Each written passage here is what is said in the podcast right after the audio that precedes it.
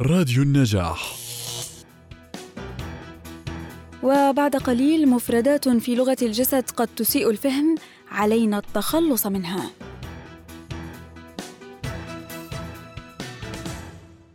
هناك مقولة شائعة مفادها أن الأمر لا يتعلق بالكلام الذي تقوله وإنما بطريقتك في قوله وهو أمر حقيقي لدرجة كبيرة.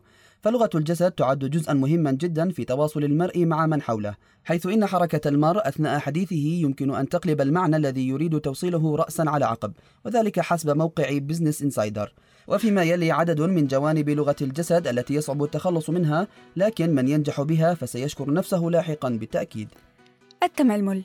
من يعتاد على التململ كأن يرفع رأسه للأعلى وينفخ في الهواء في إشارة تعبر عن ضجره يجد من الصعوبة أن يتوقف عنه.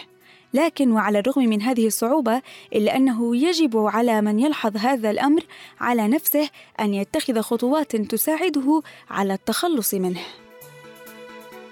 وأيضا الجلوس بهيئة الدفاع عن النفس. يجلس البعض بوضعية يضم بها ذراعيه إلى صدره أو يضعهما على جانبيه في وضعية تبدو للطرف الآخر وكأن الجالس أمامه يفتقد للقوة أو يستعد للدفاع عن نفسه أو أنه شخص لا يستحق الثقة. لذا عليك أن تسعى للجلوس براحة دون تكلف زائد يظهر توترك. الإسراع بالمشي.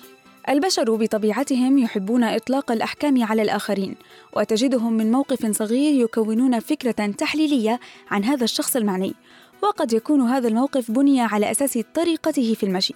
وفي تقرير متخصص أذاعته البي بي سي تبين أن اللصوص لا يستهدفون من يمشي بثقة واتزان في الشارع. لذا لا تسابق الزمن وحاول أن تتخلص من عادة الإسراع.